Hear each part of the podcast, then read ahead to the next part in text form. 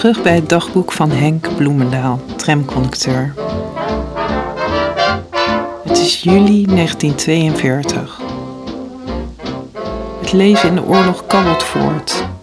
Er zijn regelmatig luchtaanvallen, maar de zorgen voor het voedsel zijn wat kleiner vanwege de zomer. 7 juli. We hebben nog niets van Ton gehoord en daarom heb ik vanmorgen maar weer eens geschreven. Ze hebben in Ouddorp er zeker geen erg in dat we hier naar een berichtje zitten te verlangen. Vanmorgen werd er braaf geschoten boven het westen. Zeker een Engels luchtaanvalletje, want het was nogal gauw afgelopen. 9 juli. Vanmorgen nog geen nieuws van Ton. We hebben nu al in 14 dagen niets meer van haar gehoord. Ik vind wel dat Krien het een beetje erg maakt. Vanochtend mijn zondagse pak maar weer eens ontvlekt en opgeperst. Het ziet er onderhand uit als een lorrebaal. Maar we hebben geen geld, geen punten en geen vergunning voor een nieuw. Co heeft een stuk in de knie moeten zetten. Het is gewoon bij de beesten af.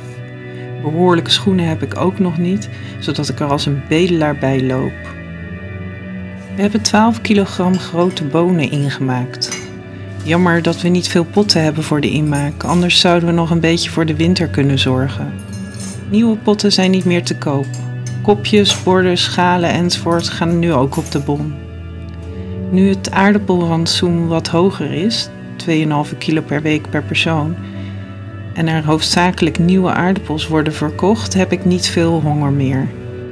Daar werkt natuurlijk het dagelijkse portie van de tram ook aan mee, want ik hoef dan meestal geen brood mee te nemen terwijl de bonnen van Ton ook meetellen. Vanavond een brief gekregen uit Ouddorp. Dat gaat gelukkig goed. Ton gaat er te keren alsof ze thuis is en wil niet meer naar huis. 14 juli. Vannacht is er weer veel gevlogen. In de krant stond dat er gisteren weer een groot aantal Nederlanders is gearresteerd als gijzelaars tegen sabotage. Vanavond een pakje gemaakt voor Ton met een stuk zeep erin en een zak olienootjes. Ook een pakje thee. 15 juli. Het is tamelijk zacht weer met weinig zon en weinig regen. De aardappel, kool en bonenvelden, die tegenwoordig de plaats van gazons en grasvelden innemen, groeien uitstekend. Daarom heeft men het boter, melk en kaasrantsoen maar weer eens verlaagd. Het vleesrantsoen is iets hoger uitgevallen. Nog twee heel vroege poeiers, dan ben ik weer vrij. Er komt geen eind aan een week van zeven dagen. Vanmiddag nog even bij moeder geweest. Ze gaat gelukkig nog steeds vooruit. 19 juli. Wat een trieste zondagmorgen. Het regent aan één stuk. Ik hoef pas om twee uur s middags de deur uit en daarom plak ik wat foto's in albums om de tijd te verdrijven. Om half één werd er geschoten en er waren geen vliegtuigen te horen. Even later hoorden we een vliegtuig en om tien over half één was er luchtalarm. Toen waren er weer geen vliegtuigen. Om vijf voor één kwam het veilig signaal. Van een luchtaanval heb ik niets gehoord. Om half twee werden bij Lauwman in de fietsenstalling beneden ons plotseling alle herenfietsen door de politie in beslag genomen. Er kwam een grote vrachtauto, maar die ging weer weg zonder een fiets mee te nemen. Er schijnt iets loos te zijn, anders doet men zulke dingen niet op zondag. Later blijkt dat alle stallingen leeggehaald zijn. Er heerst weer eens een paniekstemming, vol geruchten. 22 juli. Vandaag weer eens lijn 9. Ik geloof dat ik mijn fiets nog mag houden.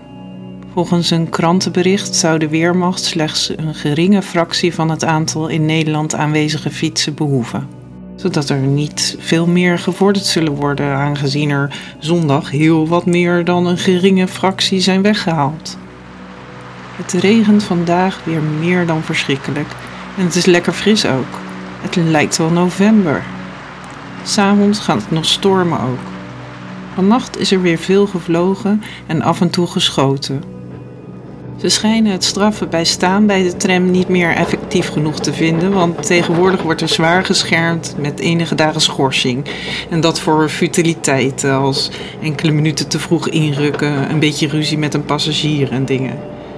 Utiliteiten die vroeger niet eens een kwartje boete opbrachten.